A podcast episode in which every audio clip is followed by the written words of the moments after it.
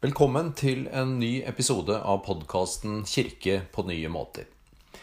Denne episoden er et opptak fra et foredrag som jeg, Knut Refsdal, tilsynsprest i Metodistkirken, holdt på et webinar omkring eh, Metodistkirken i 2020-årene 20.6 i år.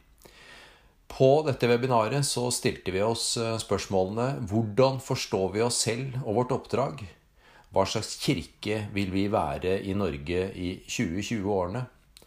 Og kan vi formulere noe som både er samlende og som verdsetter mangfoldet? Dette foredraget er eh, mitt forsøk på å svare på disse spørsmålene. Og jeg har kalt foredraget for Metodistkirken på 1, 2, 3, 4, 5, 6 og 7. Vi har snakka sammen mange ganger de siste åra om at vi som eh, kirke har eh, to store utfordringer for tida.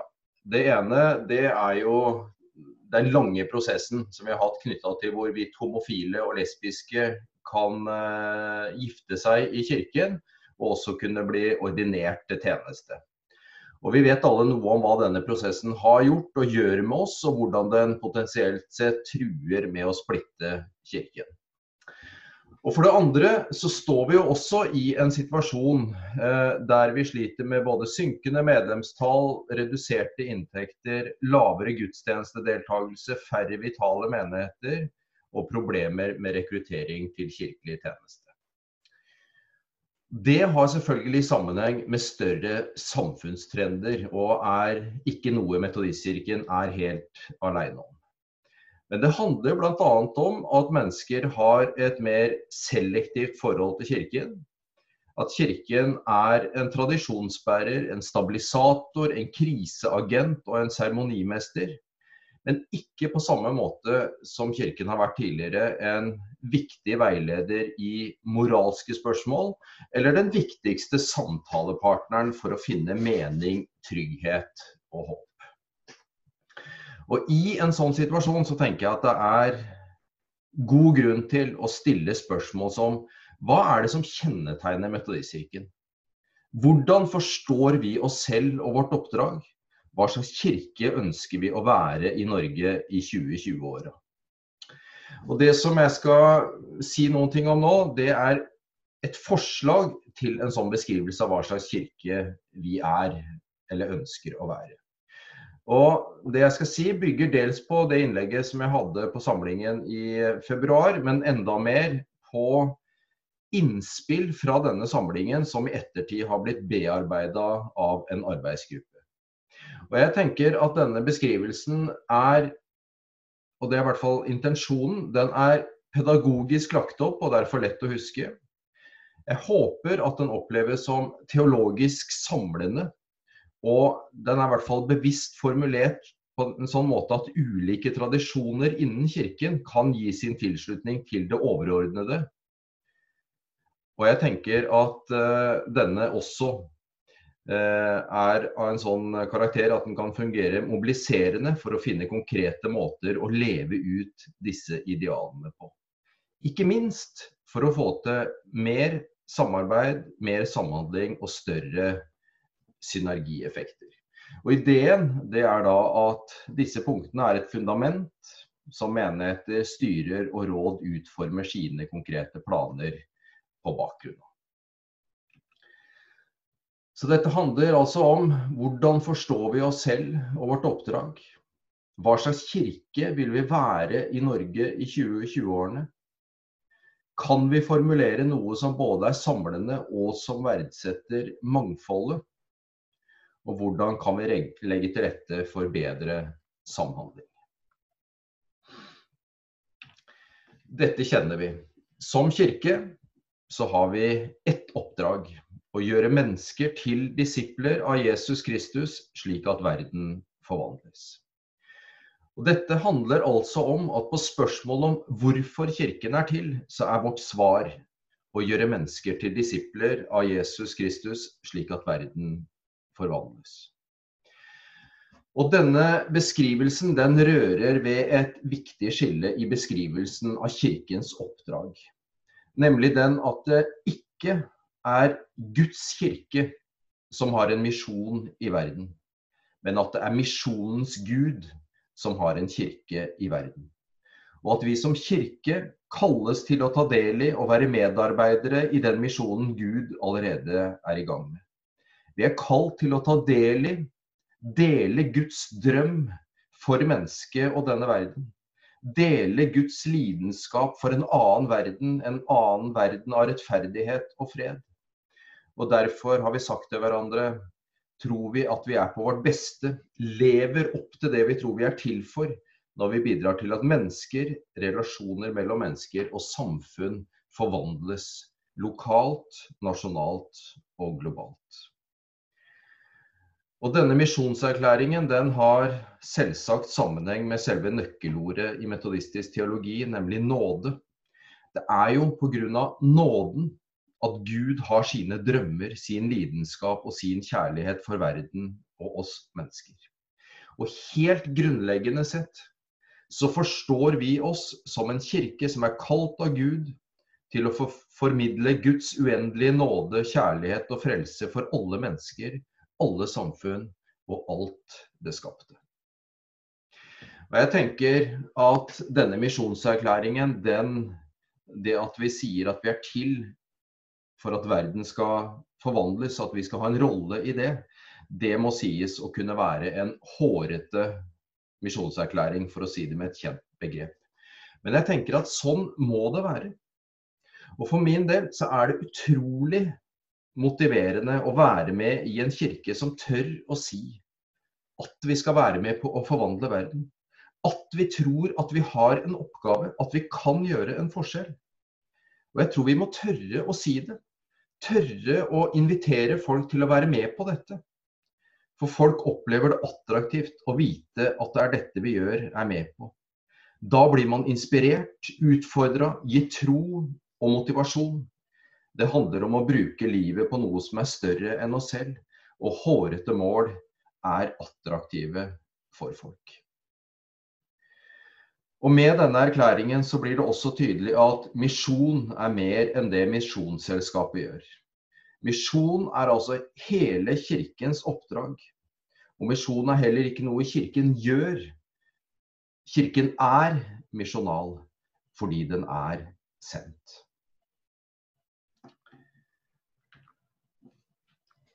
Så sier vi at vår deltakelse i Guds misjon er en helhetlig tjeneste som uttrykkes i forkynnelse til tro og etterfølgelse og i diakoni.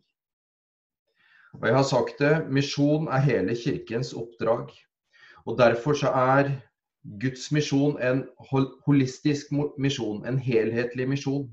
Som gir seg utslag i både evangelisering, det å forkynne til tro og etterfølgelse, men også i gudstjenestefeiring, undervisning, diakoni, tros- og livssynsdialog og politisk engasjement.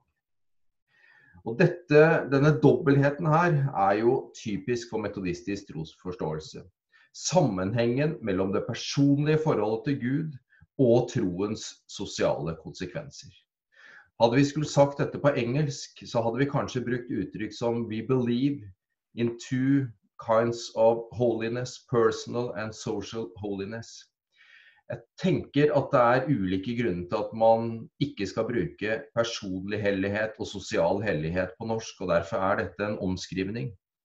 Men det at personlig frelse og den enkeltes forhold til Gud alltid innebærer misjon og tjeneste for verden, er noe vi må ta vare på. For disse to er gjensidig bundet til hverandre. Troen fører til mer enn personlig fromhet. Og kjærlighet til Gud er alltid forbundet med kjærlighet til vår neste, til en lidenskap for rettferdighet og fornyelse i verden. Og så husker vi at vi definerer diakoni hvitt. Diakoni er en følge av Guds nåde og vår respons på Guds kjærlighet uttrykt gjennom holdninger og handlinger til beste for medmennesker og skaperverket. Diakoni uttrykkes gjennom omsorg for medmennesker, bygging av inkluderende fellesskap, arbeid for fred og rettferdighet og solidaritet med hele skaperverket. Så med åpne hjerter, åpne sinn og åpne dører er vi kirke på tre måter. Med hjertet, med hodet og med hender. Metodistkirken har en spennende begynnelse, og en ganske unik begynnelse. Ordet metodist husker vi ble første gang brukt som et skjellsord om Wesley og hans kamerater på universitetet i Oxford. Og det var tre sammenhenger, tre miljøer som prega dem og ga retning til deres kristendomsforståelse. For det første så var det universitetsmiljøets tenkende og fornuftsorienterte miljø med vekt på vitenskapelige studier. For det andre så var det bønnemøtets intime og følelsesladde atmosfære med vekt på betydningen av en relasjon til Gud. Og for det tredje så var det praktisk tjeneste i verden, som undervisning for fattige barn, besøk av fanger i fengselet og matutdeling, for å nevne noen ting. Med åpne hjerter, med åpne sinn og med åpne dører er vi derfor kirke med hjerte, hode og hender. Og hjertet tenker jeg handler om forholdet til Gud og andre mennesker. Det er med på å understreke at vi mennesker vi blir til i relasjoner til Gud og til hverandre. Og vi tror på en allestedsnærværende Gud, en som søker hver enkelt av oss for å omslutte med nåde, kjærlighet og omsorg. Og Jesus selv også lærte oss hvor viktig relasjonen til Gud er. En relasjon som kanskje først og fremst uttrykkes i gudstjenestefeiringen, i bønn, lovsang og tilbedelse.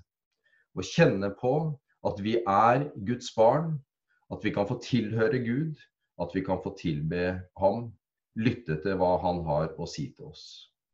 Og Derfor er jo også menigheten viktig. For det livet som Gud har skapt i oss, trenger næring og gode vekstvilkår. Og menigheten er et sted hvor Gud har valgt å vise seg på en spesiell måte for oss mennesker. I menigheten opplever vi å ha et fellesskap med Gud og med hverandre, hvor vi blir styrket og bevart i troen, og hvor vi blir istandsatt til å tjene medmennesker og Gud i hverdagen og i tråd med det har Metodistkirken alltid tenkt stort om menigheten. Så understreker hodet at også de kognitive sidene ved mennesket tas med når teologien skal utvikles og kommuniseres, og når Kirkens tjeneste skal utformes. Og Det uttrykkes i det såkalte kvadrilaterale, som sier at teologien blir til i en gjensidig vekselvirkning mellom Bibelen, tradisjonen, erfaringen og fornuft. Og hendene, det handler om tjenesten og om de åpne dørene. En kirkes dører skal alltid være åpne begge veier. Og Det betyr at både at kirken forstår seg selv som, kjent, som sendt, som en kirke som skal ta imot og leve Guds rike og utvide det til enda flere. Men også at Kirken alltid skal leve i nærkontakt med sine omgivelser og la seg forme av disse. Bevegelsen ut kan bare fullføres om vi er forankret i de to andre relasjonene. I relasjonen til Gud for ledelse og kraft, og i relasjonen til resten av menighetsfellesskapet for å hente kraft og styrke til tjenesten. Å være kirke med hjerte med hode og med hender uttrykker et metodistisk helhetssyn på livet. Så vet vi at menighetene blomstrer når vi legger til rette for fire praksiser. Radikal gjestfrihet, som handler om et aktivt ønske om å invitere, ønske velkommen, motta og ta vare på alle som kommer til kirken, slik at alle kan kjenne seg hjemme. Radikal beskriver det som er drastisk forskjellig fra vanlig praksis, noe som overgår normale forventninger. Livsnær gudstjeneste. I gudstjenesten så samles vi for å møte Gud, som kan bruke gudstjenesten til å forvandle liv, helbrede sår, fornye håp, forme beslutninger, provosere endring, inspirere medfølelse og binde mennesker til hverandre. Menigheter som har livsnære gudstjenester, gjør sitt ytterste for at mennesker skal møtes der de er, på sine betingelser. Og jeg tenker at I vår tid så er det en særlig utfordring å legge til rette for at mennesker kan uttrykke seg med et språk de er kjent med. Målrettet trosopplæring handler om alt som hjelper oss til å vokse i tro. F.eks. bibelstudier, søndagsskole, støttegrupper, bønneteam. Menigheter som praktiserer mål, målrettet trosopplæring, tilbyr muligheter for mennesker i alle aldre til å lære hva disippelskap betyr i dag. Og dristig tjeneste. Tjeneste handler om det vi gjør for å utgjøre en forskjell i andres liv, enten de er en del av menigheten eller ikke. Og ordet dristig tenker jeg at skal presse oss ut av komfortsonen vår til mennesker, situasjoner og behov som vi vanligvis ikke vil møte. Menigheter som praktiserer dristig tjeneste, tilbyr muligheter for mennesker til å gjøre en forskjell i andres liv. Og så nærmer vi oss noen av konkretiseringene av hva disse første punktene betyr for oss i dag. Og vi har valgt å skrive det på den måten at vi inspireres av fem framtidsbilder. For det første en kirke som er mer opptatt av å fremme Guds rike enn av å bygge en institusjon. Dette handler om prioriteringer, om hva som er det viktigste for oss. En selvopptatt kirke som først og fremst er opptatt av egen overlevelse den vil jeg påstå er både umoden og lite attraktivt. Lite attraktiv. For en selvopptatt kirke er også veien kort til å se på dem vi er til for, menneskene i dagens samfunn, som midler som skal dekke våre behov. For kirken eksisterer ikke for seg selv, men for verden. I verden forsøker vi å formidle Guds rike og Guds virkelighet til alle mennesker. Og en misjonal kirke må alltid være en inkarnatorisk kirke. Noe som bl.a. betyr at enhver menighet må engasjere seg i sin lokale kontekst og spørre seg hva betyr det for oss nå å være sendt av Gud hit? Vi skal være menighet med, i og blant menneskene som bor der vi er. Og så kan det, tror jeg, med stor rett hevdes at Metodistkirken er skapt for misjon. Vi startet ikke som en kirke, vi startet som en bevegelse av mennesker som ville respondere på behov de så i samfunnet. Og Derfor har vi historisk vært preget av en stor grad av pragmatisme i hva vi gjør som kirke. En av våre styrker har vært vår evne til å respondere relevant på aktuelle samfunnsutfordringer. Og Derfor er også et av de viktigste lærepunktene fra Kirke på nye måter dette at start with church and the mission will probably get lost. Start with mission and it is likely the church will be found. Vi er opptatt av å gjøre en forskjell. Det skal merkes i et lokalsamfunn at det er en metodistkirke der. Det andre bildet vi inspireres av, det er av en kirke som utvikler nye måter å være kirke på. Jeg er glad for initiativet som vi er sammen med, sammen med andre kirker i Norge i regi av Norges kristne råd, Kirke på nye måter. Som kommer fra det engelske 'Fresh Expressions'.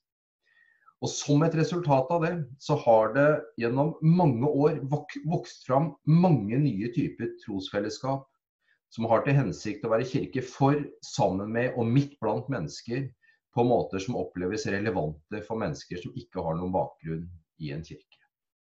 Og Det fins i dag et uendelig antall ulike typer fellesskap.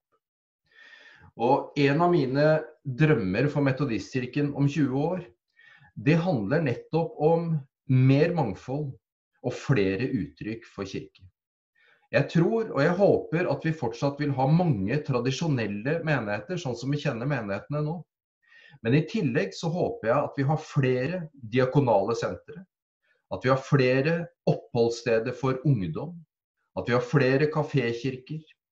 Ulike former for lavterskeltilbud.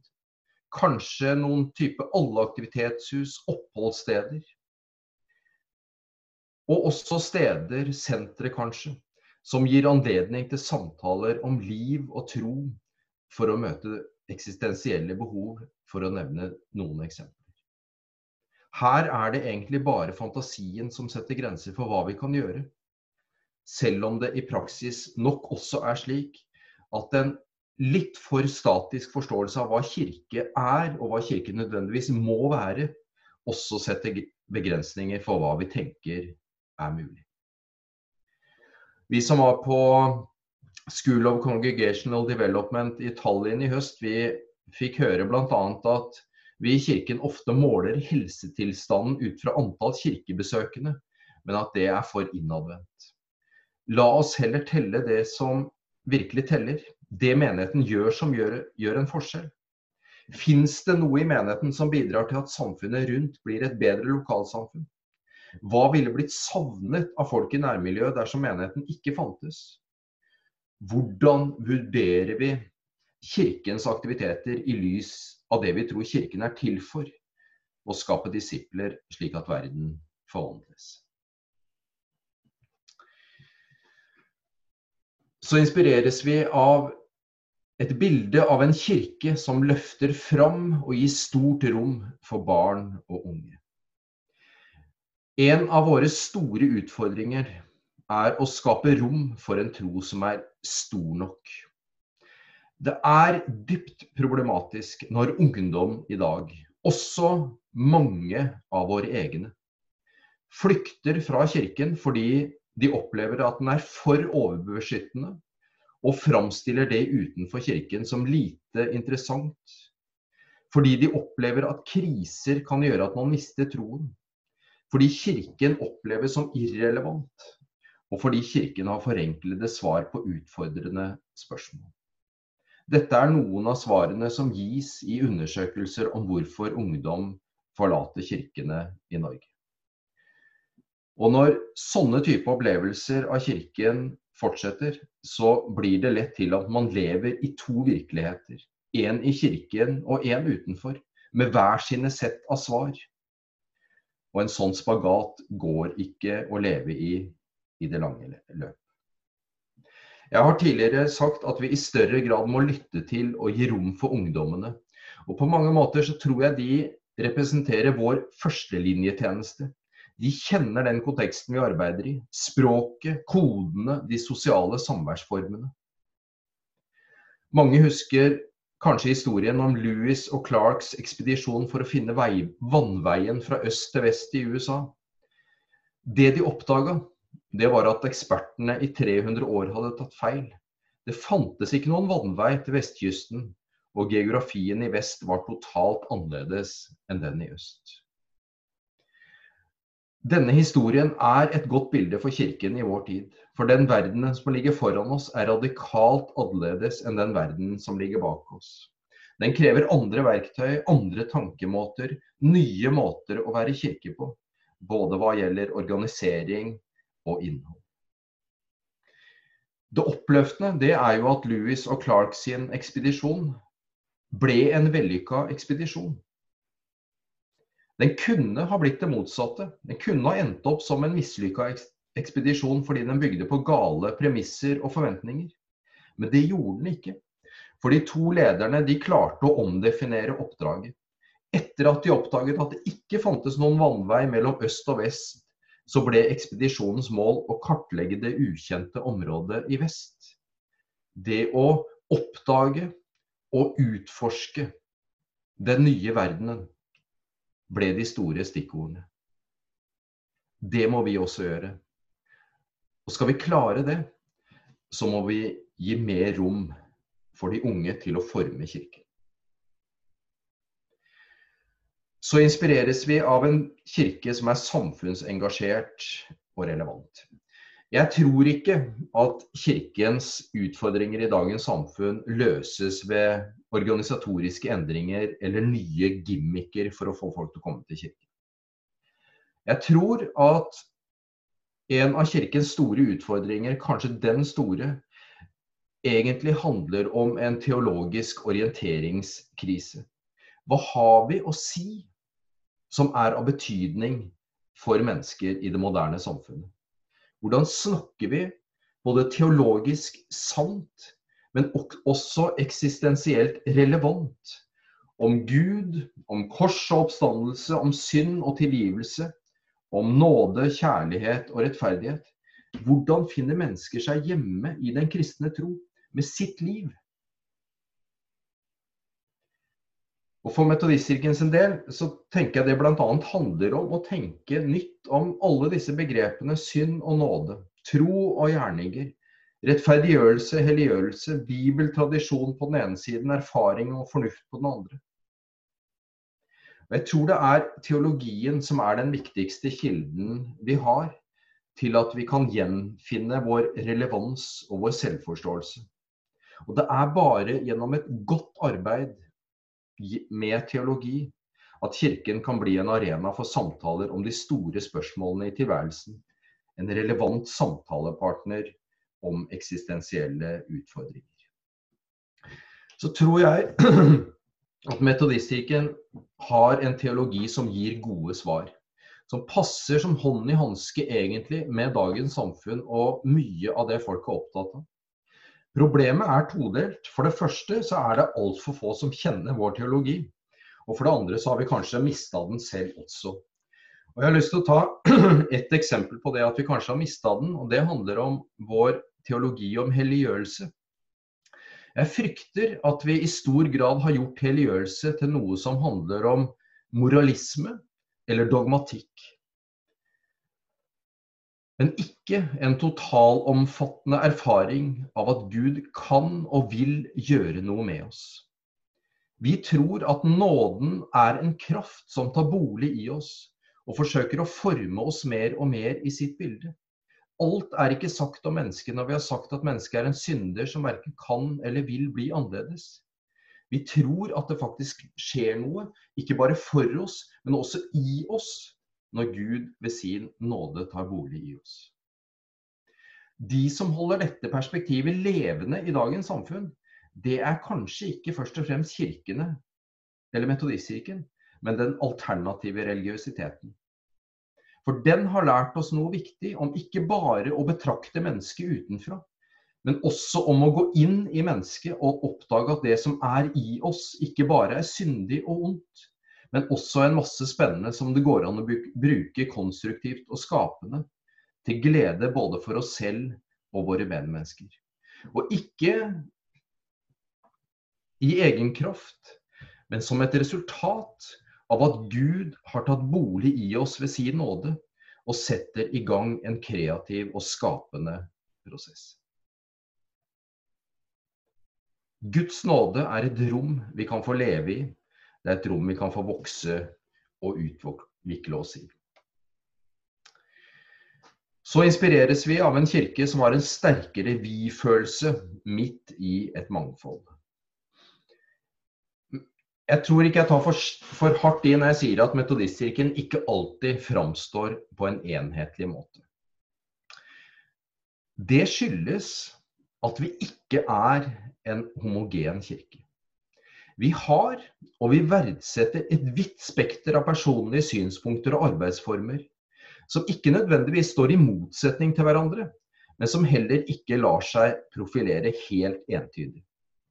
Og I stedet for å se på dette som en svakhet, så kan det ses på som en styrke. I Kirken så tolereres, eller ønskes, mangfold, diskusjon, uenighet, ulike uttrykk. Det har med troverdighet å gjøre.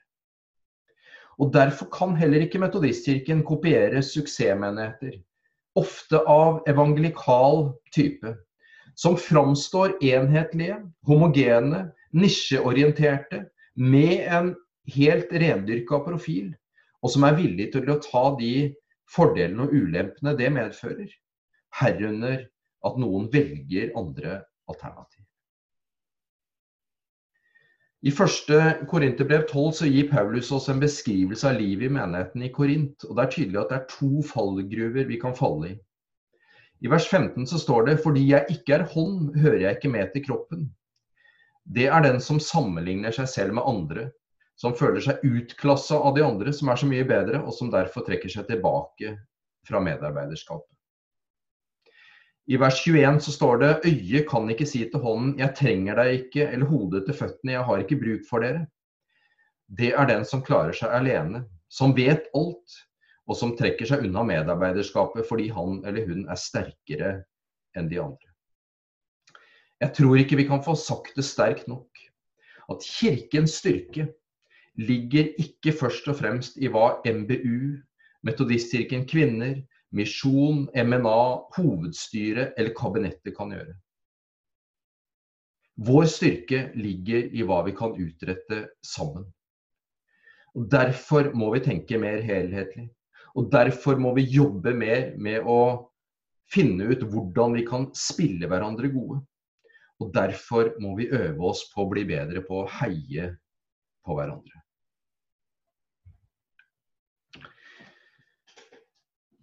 I erkjennelsen av at det som har ført oss hit, ikke vil føre oss videre, så forplikter vi oss til seks grep.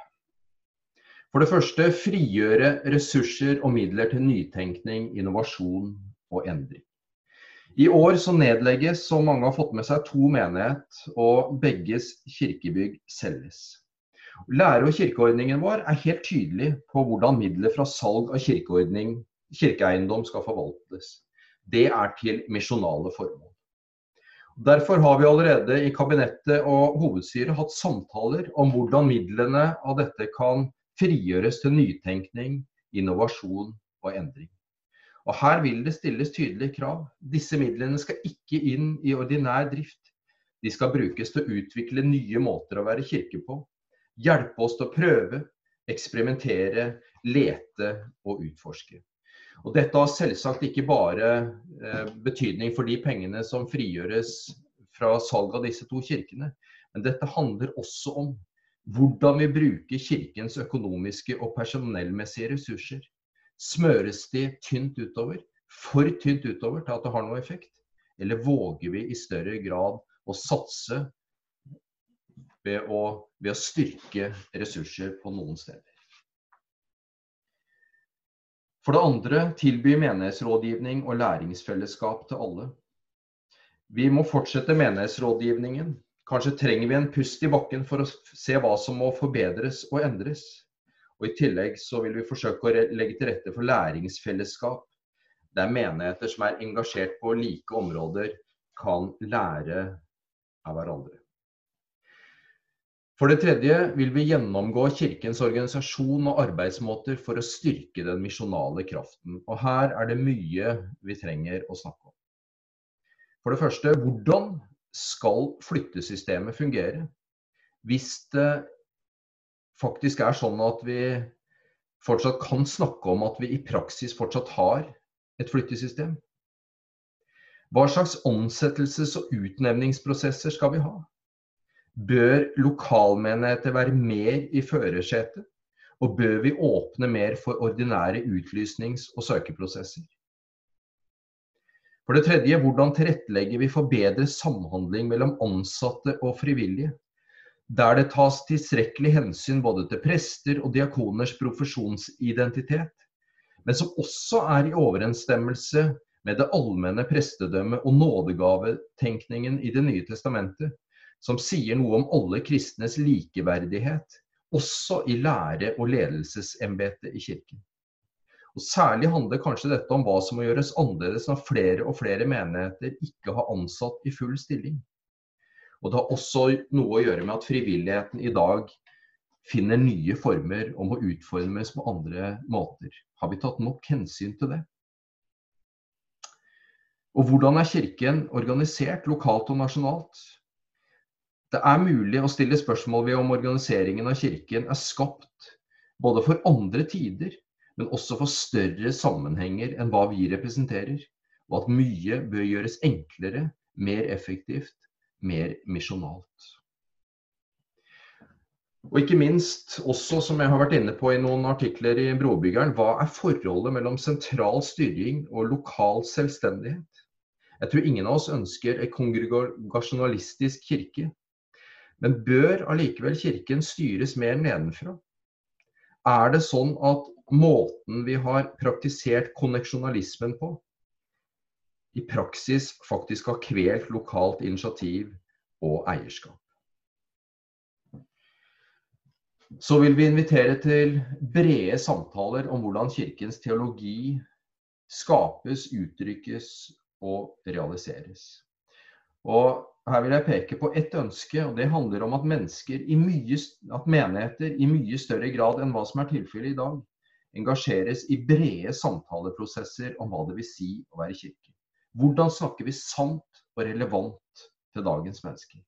Hvordan utformer vi Kirkens tjeneste? Hvordan forstår vi det å være kirke i Norge i 2020-åra? Det å sette sånne spørsmål på dagsorden i årskonferanse, menighetskonferanse, menighetsmøter osv., det er faktisk ikke så langt unna det som var dagsorden på den første årskonferansen i Metodistkirken i 1744. Der var det tre punkter. What to teach, how to teach, and how to regulate doctrine, discipline and practice. For det femte etablere en helhetlig lederopplæring. Vi vil fortsette å utvikle ledere som forvandler kirken og verden. Da trenger vi å tenke mer helhetlig. Nå gjøres for mye uavhengig av hverandre. Det er dessverre litt for typisk. Vi tenker i siloer med tydelige ansvarsområder. Og mye er bra med tydelig ansvar, men vi må tenke mer helhet. F.eks. så er trosopplæring ikke bare MBUs ansvar. Så skal vi øke satsingen på digitale plattformer. De siste månedene har lært oss noe om betydningen av digitale medier. Det har skapt mye bra hos oss, og det arbeidet må vi fortsette. Ikke som en erstatning, men som et viktig supplement til ordinær virksomhet. Disse seks punktene har vi kalt for grep. Kanskje kunne vi ha brukt ordet strategi. Kanskje kan vi også si at dette er prosessmål, ikke resultatmål. Poenget, tror jeg, er at det vi faktisk gjør, er å fokusere på det vi faktisk opplever som er rett å gjøre som kirke i den situasjonen vi er i nå. Dette er noen svar på spørsmålet om hvordan vi forstår oss selv og vårt oppdrag, og hva slags kirke vi ønsker å være i Norge i 20, 20 årene. Og denne type mål, som inviterer til prosesser, inkluderende prosesser, er kanskje det som gir mest energi og fart. Og så, for å avslutte, så tenker jeg at det er sånn at til sjuende og sist så avhenger Kirkens framtid av hver enkelt av oss. Kirkens styrke og muligheter ligger i oss. Det er våre valg i dag som avgjør hva som skjer i Kirken framover.